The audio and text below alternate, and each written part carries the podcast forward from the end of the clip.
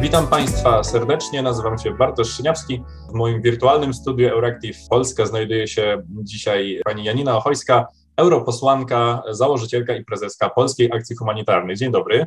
Dzień dobry Państwu. Porozmawiamy dzisiaj na temat kwestii migracji w Unii Europejskiej. Również oczywiście będą pojawią się pytania o sytuację na granicy Polski z Białorusią, ale zacząłbym od tego pytania takiego ogólnego. W jaki sposób Unia Europejska powinna wykorzystywać swoje środki, swoje, swoje środki finansowe, swoje jakieś tam wpływy dyplomatyczne, żeby mogła sprostać problemowi dużej migracji e, do właśnie państw członkowskich Unii Europejskiej? Więc przede wszystkim jest potrzebna e, dobra polityka migracyjna. Polityka migracyjna, która będzie przewidywała legalne drogi migracji, które zapobiegłyby po pierwsze przemytnictwu, czyli odcięto by w ten sposób e, dochody przemytników, których korzystają migranci, czy to przez Morze Śródziemne, czy przez e, teraz granicę polsko-białoruską. To jest w zasadzie podstawowa sprawa. Druga, według mnie, żeby sprostać migracjom, e, powinny być o wiele szybsze procedury. W obozach dla uchodźców w Grecji, czy we Włoszech, czy w Hiszpanii, w Polsce zresztą również, przybywa bardzo dużo osób, które od trzech lat, a może nawet i więcej, czekają na pierwszą rozmowę, czekają na rozpoczęcie wobec nich procedury i w tym czasie nie mogą pracować. Okazuje się, że nawet nie wszystkie dzieci mogą się uczyć, bo nie wystarcza pieniędzy na sfinansowanie ich nauki. Z taką sytuacją spotkałam się w obozie Ritsona w Grecji. Zresztą w Polsce, w obozach, w ośrodkach zamkniętych dzieci też nie chodzą do szkoły, mają taką trochę naukę polskiego, trochę, trochę matematyki. Więc szybsze procedury, które umożliwiłyby albo deportację, albo możliwość rozpoczęcia pracy, rozpoczęcia studiów. Ja znam bardzo wiele osób, które w ośrodkach dla uchodźców czekają na to, żeby móc kontynuować studia, które rozpoczęli w swoich krajach. Kolejna sprawa, no to oczywiście, są, oczywiście to są finanse. I y, cała procedura integracyjna wymaga dość pokaźnych środków, niemniej jednak z tego są bardzo duże korzyści migrant czy, czy uchodźca, który przejdzie przez dobry e, system integracji, będzie członkiem społeczności, który będzie pracował, płacił podatki, e, będzie wnosił coś e, dobrego. I to na przykład Niemcy, które mają zapotrzebowanie około 200 tysięcy migrantów rocznie, tak oceniają swoje potrzeby, w Niemczech 13,5% y, dochodu narodowego wypracowują właśnie uchodźcy imigranci.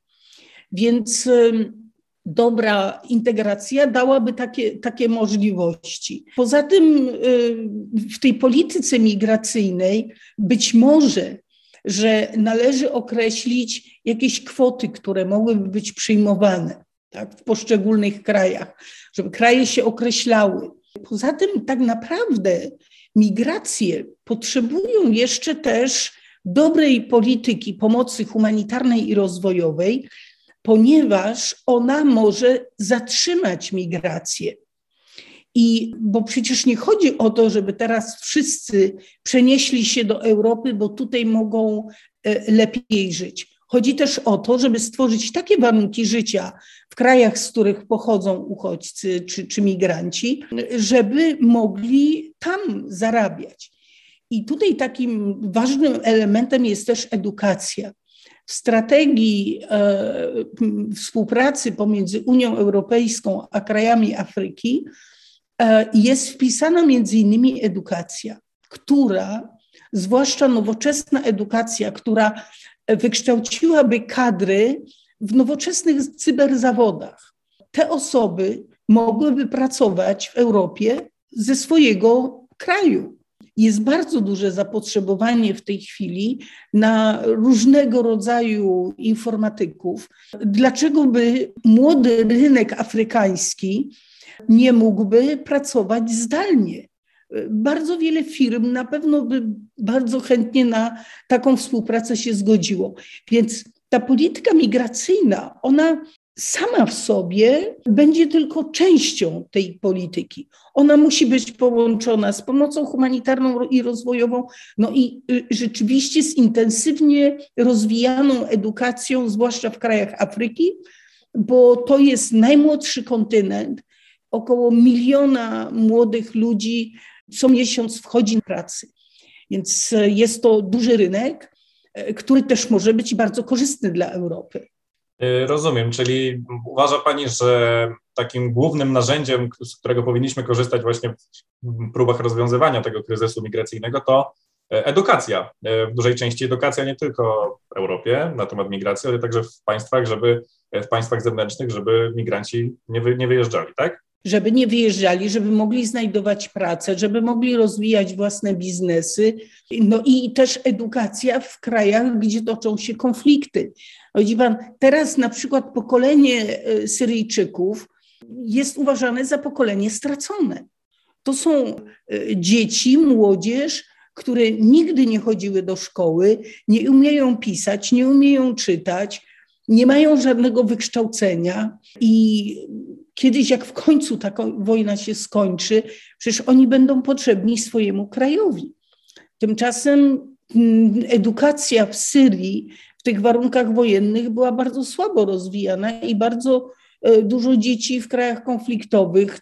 Teraz takim krajem będzie Afganistan, gdzie dostęp do nauki będzie bardzo ograniczony, zwłaszcza dziewcząt. Wiemy, że ludzie wyedukowani są tym nośnikiem rozwoju. Więc e, tak, ja uważam, że powinno się stawiać na edukację. No dobrze, w takim razie skupmy się teraz na warunkach, jakie panują w Unii Europejskiej. Na ile możliwa jest rzeczywiście pomoc wszystkim osobom, które chciałyby się dostać do państw członkowskich Unii? E, na ile e, Unia ma środki i zaplecze do tego, żeby właśnie takie osoby przyjąć albo zapewnić im chociaż bezpieczeństwo? Znaczy, na pewno Unia nie jest w stanie przyjąć wszystkich tych, którzy by chcieli, ale też trzeba powiedzieć, że ci, którzy by chcieli, nie zdają sobie sprawy z tego, co ta migracja dla nich oznacza. Bo y, dla osoby niepiśmiennej, nieznającej żadnego języka obcego, migracja do Europy jest tak naprawdę ob znacznym obniżeniem standardów. Bardzo często migranci nie zdają sobie z tego sprawy.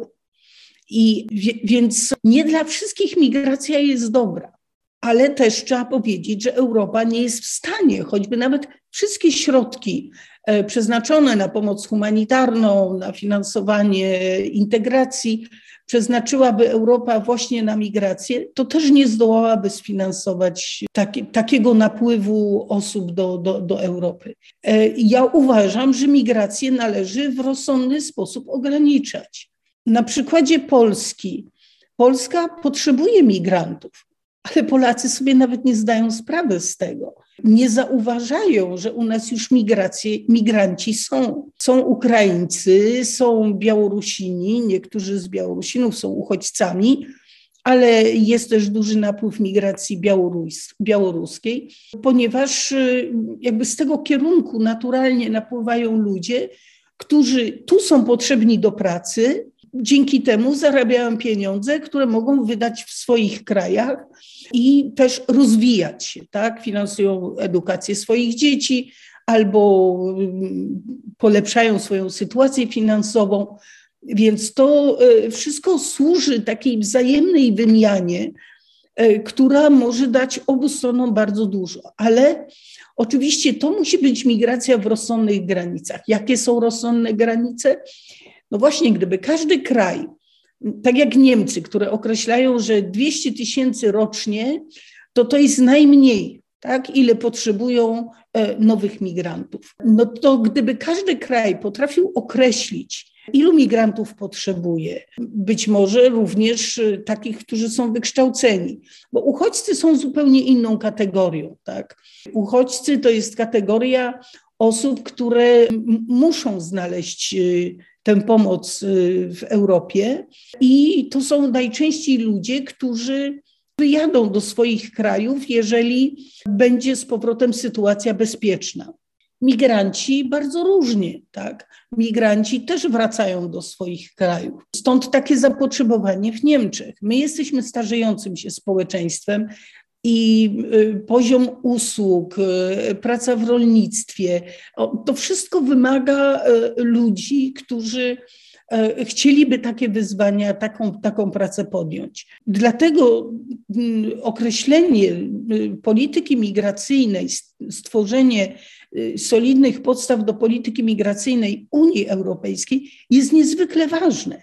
Od tego zależy nasza przyszłość, przyszłość Europy, ale też przyszłość tych krajów, skąd migranci pochodzą.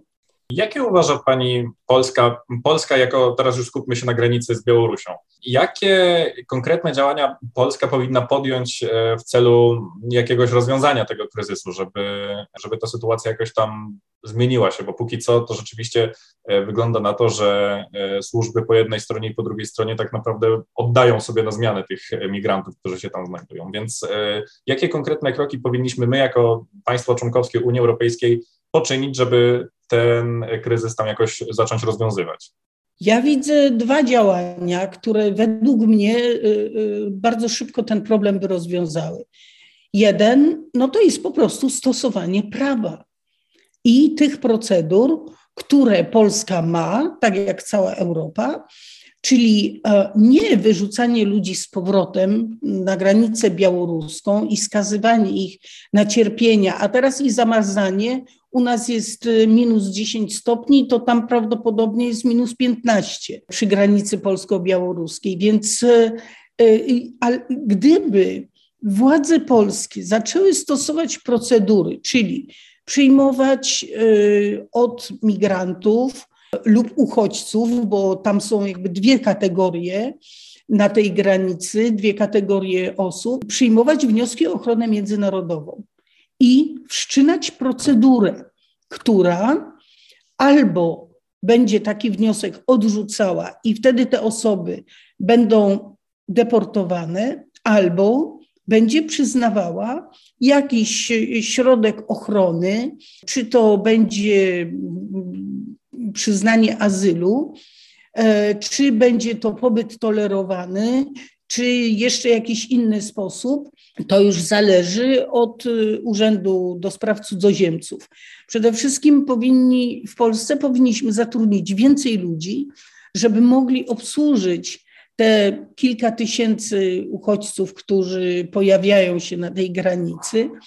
No i y, oprócz stosowania procedur i przestrzegania prawa, y, Polska powinna zgodzić się na pomoc Frontexu, o którym może Frontex, na Frontex można różnie popatrzeć, tak? Są, Frontex również stosował pushbacki i stosuje, więc no, nie jest to powiedzmy taka instytucja, która nie jest bez skazy. Niemniej Frontex na naszej granicy, na polsko-białoruskiej granicy, potrafiłby bardzo szybko wzmocnić y, Straż Graniczną w stosowaniu procedur. Przecież wie pan, gdyby no tak przysłowiową taką ladę tam kilkunastu metrową rozłożyć y, z komputerami i przyjmować te wnioski, bardzo szybko można je rozpatrzyć i, i y, podejmować decyzje. To w ogóle niepotrzebny byłby stan wyjątkowy, niepotrzebne byłoby przedłużenie teraz tego stanu nielegalne, niepotrzebne byłyby śmierci na granicy, e, ogromne cierpienie e, ludzi i, i strach, niepewność. I według mnie to by wystarczyło, dlatego że e, my mamy tak naprawdę do czynienia z kilkoma tysiącami osób. To jest mało.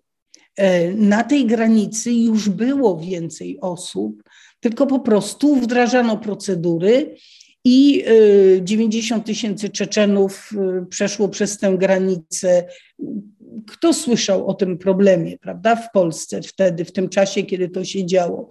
E, tak samo Gruzini w czasie wojny w Gruzji.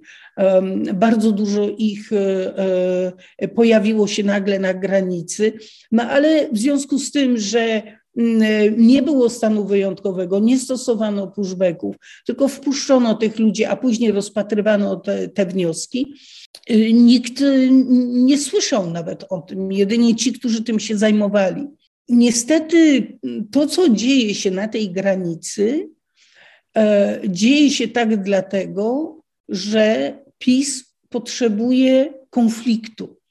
Konfliktu, żeby odwrócić uwagę Polaków od tego, że jest inflacja, że są rozkradane środki y, y, pochodzące z naszych podatków, y, że są marnowane, że sądownictwo, całe prawodawstwo w Polsce szwankuje, tak, że teraz próbuje się uciszyć wolne media. Więc to jest taki wentyl, tak. PiS na pokazywaniu uchodźców jako terrorystów wygrał wybory w 2015 roku i teraz przed wyborami próbują y, y, budować tę samą narrację.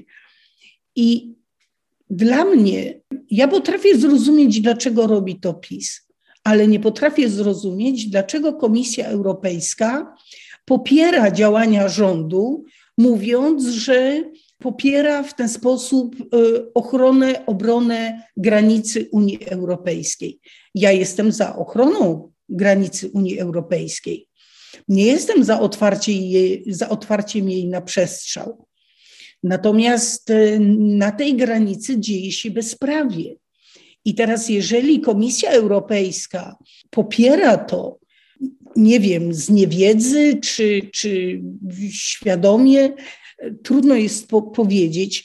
A jeszcze w dodatku e, komisja próbuje wprowadzić e, nowe przepisy, które ułatwią Straży Granicznej, wojsku i, i policji pushbacki, usprawiedliwią te pushbacki, ponieważ będą kryci przez Unię Europejską. Tak? Na razie kryci są przez prezydenta i przez Sejm. Czyli ocenia Pani, czyli jak Pani ocenia właśnie e, działalność Unii Europejskiej w sprawie kwestii kryzysu na granicy polsko-białoruskiej? Negatywnie, dlatego że po pierwsze, no, bardzo słabo jest wywierana presja e, na rządzie, żeby dopuścić organizacje humanitarne i e, media do strefy. Myślę, że Unia Europejska ma narzędzia, którymi mogłaby wręcz zmusić e, Polskę e, do tego, żeby e, przestrzegać praw człowieka. To jest jedna rzecz. Druga, no, jakby gołym okiem jest widoczne to, że komisja, próbując wprowadzić te nowe przepisy, jakby sprzyja rządowi i sprzyja temu rządowi również w pushbackach. No, to jest e, wbrew konwencji genewskiej. Unia Europejska, która zbudowana jest na e, wartościach bliskim nam, nam wszystkim Europejczykom, właśnie na przestrzeganiu praw człowieka, na e, wartościach takich jak, jak solidarność, jak wolność, zaprzecza sama sobie. I ja mam nadzieję, że uda nam się jeszcze przekonać y, komisję y, oraz parlament do tego, żeby jednak nie wprowadzać y, tych przepisów i zmusić rząd polski do uporządkowania tej sprawy do przyjęcia Frontexu na granicę, tak jak to zrobiła Litwa i Łotwa. Tam oczywiście też nie jest łatwo, ale jednak łatwiej. Tam na granicach nikt nie umiera. A co się dzieje w strefie, tego nie wiemy. Na Litwie też jest strefa, ale dziennikarze mogą tam wjeżdżać. W takim razie właśnie e, zapytam też jeszcze o samą Białoruś i w ogóle o państwa zewnętrzne spoza Unii Europejskiej, przez które migranci docierają do, właśnie do Europy. E, a które te państwa nie mają, mają problem z demokracją, takie właśnie jak na przykład Białoruś albo Turcja. Jak, czy Unia Europejska, czy organy Unii Europejskiej mają jakiś konkretny plan dogadania się z tymi państwami i jeśli tak, to w jaki sposób pani go ocenia? Ja takiego planu nie znam i nie mam wrażenia, żeby była próba dogadania się. Wprawdzie owszem są prowadzone rozmowy z Swietłaną Cichanowską. Jest jakby takie generalne, generalnie poparcie dla przemian demokratycznych, które działy się na Białorusi i dzieją się, tak? nawet jeżeli nie, tego nie, nie widzimy.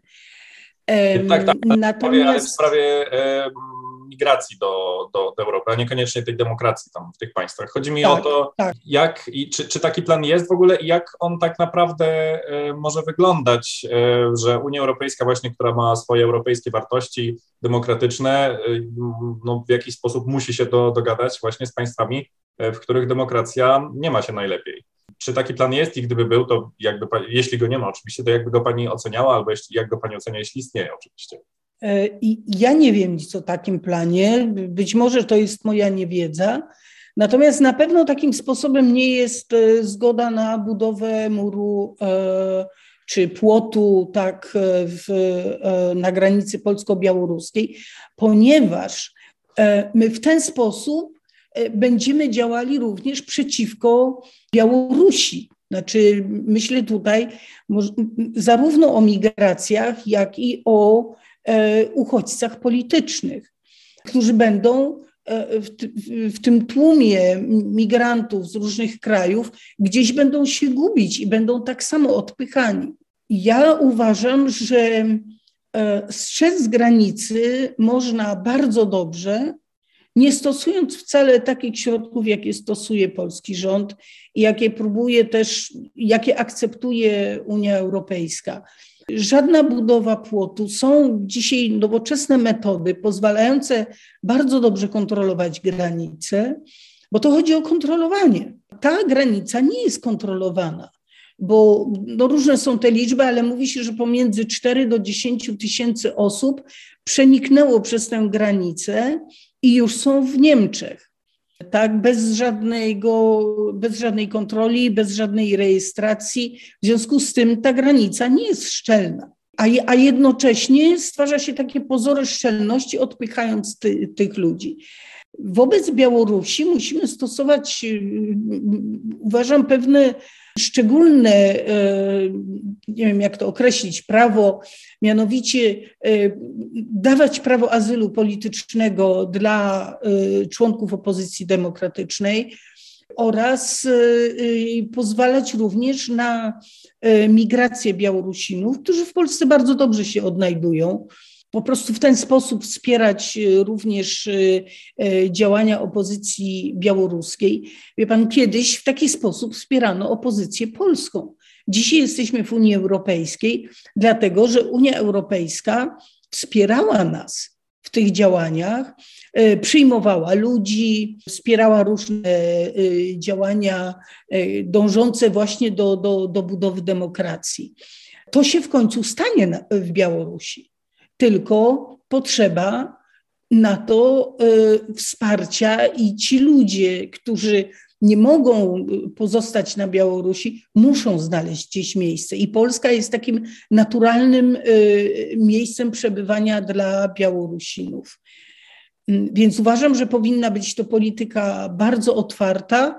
Oczywiście, no jednak, y, tak jak cała migracja, tak i ta powinna być y, przeprowadzana pod pewną kontrolą. No ale jednak z taką wolą y, otwarcia się na, na ludzi stamtąd. Myślę, że do Pani jak najbardziej mogę skierować to pytanie. Jakie są największe problemy i być może nawet zagrożenia, z jakimi mierzą się w Unii Europejskiej akcje humanitarne, które próbują właśnie pomagać osobom e, chcącym przedostać się do, do Unii Europejskiej? Z czym, e, z czym właśnie najczęściej mierzą się działacze akcji i organizacji humanitarnych? Najczęściej ze zbyt małymi środkami, również nie tylko środkami przeznaczonymi na pomoc, humanitarną, no, na pomoc humanitarną, ale również na rozwój takiej capacity organizacji, zwłaszcza tych organizacji, które pochodzą z byłej Europy Wschodniej. Ja uważam, że, że bardzo niebezpieczne jest e, kumulowanie pieniędzy w, w jednej organizacji, to znaczy tworzenie, e, sprzyjanie tworzeniu konsorcjów, czasami konsorcja organizacji w realizacji jakiegoś projektu wielopaństwowego jest bardzo dobre ale mm, y, Unia zmierza trochę w kierunku y, takim, żeby dawać większe pieniądze mniejszej ilości organizacji. Czyli tworzyć takie konsorcja, przekazywać im pieniądze i jakby całe rozliczenie spada na to konsorcjum, które potem trzeba przedstawić Unii Europejskiej.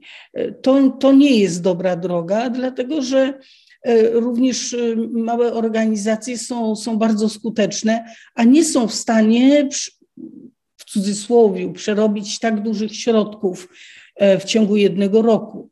To jest jedna rzecz. Druga rzecz to czasami ograniczony dostęp do krajów, gdzie taka pomoc humanitarna jest potrzebna. Syria była między innymi takim krajem i właściwie większość organizacji działała poprzez y, pracowników lokalnych, co jest generalnie bardzo dobrą zasadą w pomocy humanitarnej, bo oni wiedzą najlepiej.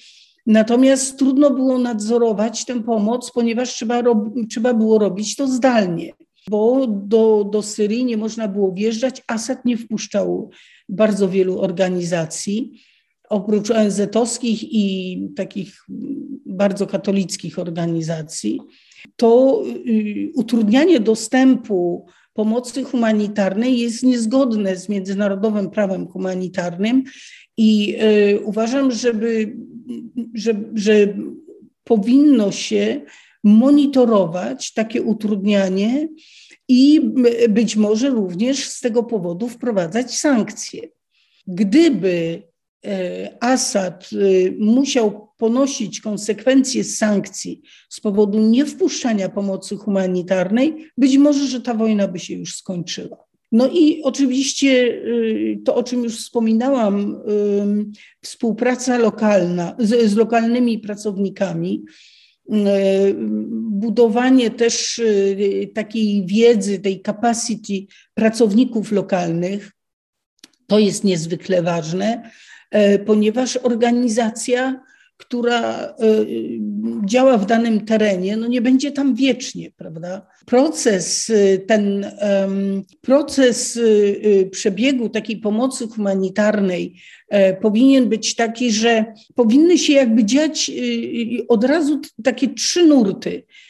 Pomoc humanitarna, pomoc rozwojowa i działania pokojowe. I do tych y, y, jakby części pomocy humanitarnej zaliczają się najróżniejsze działania, ale edukacja powinna być już na etapie pomocy humanitarnej, a być, powinna, y, powinna być kontynuowana również w takim tym okresie pokojowym. Tak? Pokojowy można go też nazwać inaczej, bo tam, gdzie mamy do czynienia z konfliktami, mówimy o procesie pokojowym.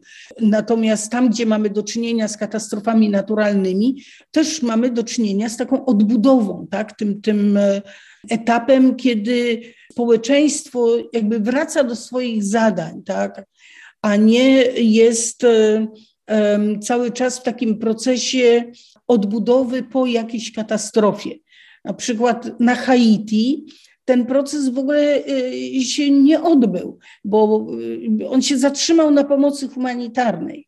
I teraz kolejne trzęsienie ziemi spowodowało, że właściwie wracamy do wszystkiego od, od nowa. Więc to, to jest bardzo ważne, żeby na etapie pomocy humanitarnej nie czekać z, z, z pomocą rozwojową i taką odbudowującą społeczeństwo.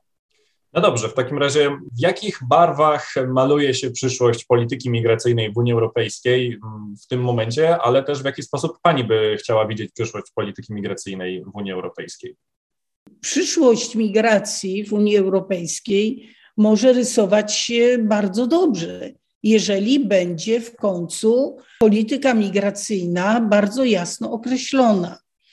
I jeżeli będzie nastawiona nie na zamykanie się, ale na rozwój, czyli zarówno przyjmowanie uchodźców, ale też czy migrantów, ale też umiejętne zatrzymywanie ich w krajach swojego pochodzenia. Bez tego jesteśmy skazani na bardzo trudne czasy, dlatego że migracje będą się zwiększały ponieważ y, mamy do czynienia nie tylko z konfliktami i nie tylko z katastrofami naturalnymi, ale również ze zmianami klimatycznymi, które y, same w sobie są już katastrofą naturalną i one uniemożli będą uniemożliwiały życie ludzi na bardzo wielu obszarach. Temu można zapobiec chociażby przez samo ograniczanie się.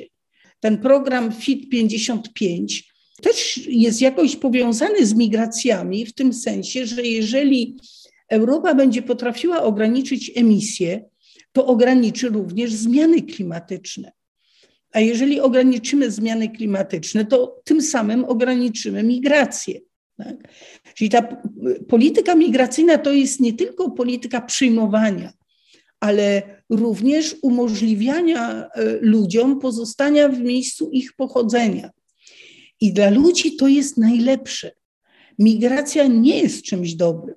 W ograniczonym zakresie tak, ale e, taka migracja, która jest jak potok, e, to, to jest migracja, która będzie zagrażała przyszłości Europy, bo Niemcy po raz drugi nie wchłoną miliona migrantów tak jak to miało miejsce w latach 2014-15. Więc y, to musi być mądra polityka migracyjna, która będzie umożliwiała migrację, ale która jednocześnie e, będzie je ograniczała. To może się wydawać, że to jest jakiś paradoks, że to jest sprzeczność. Tak nie jest, bo migracja nie jest jednolitym zjawiskiem. Szanowni Państwo, nie da się ukryć, że migracja i wszystkie problemy i kwestie z nią związane są bardzo zawiłe, ale również przy okazji bardzo interesujące. E, moim i Państwa gościem była europosłanka i prezeska Polskiej Akcji Humanitarnej, pani Janina Ochojska. Dziękuję Pani bardzo za rozmowę. Dziękuję bardzo. Dziękuję.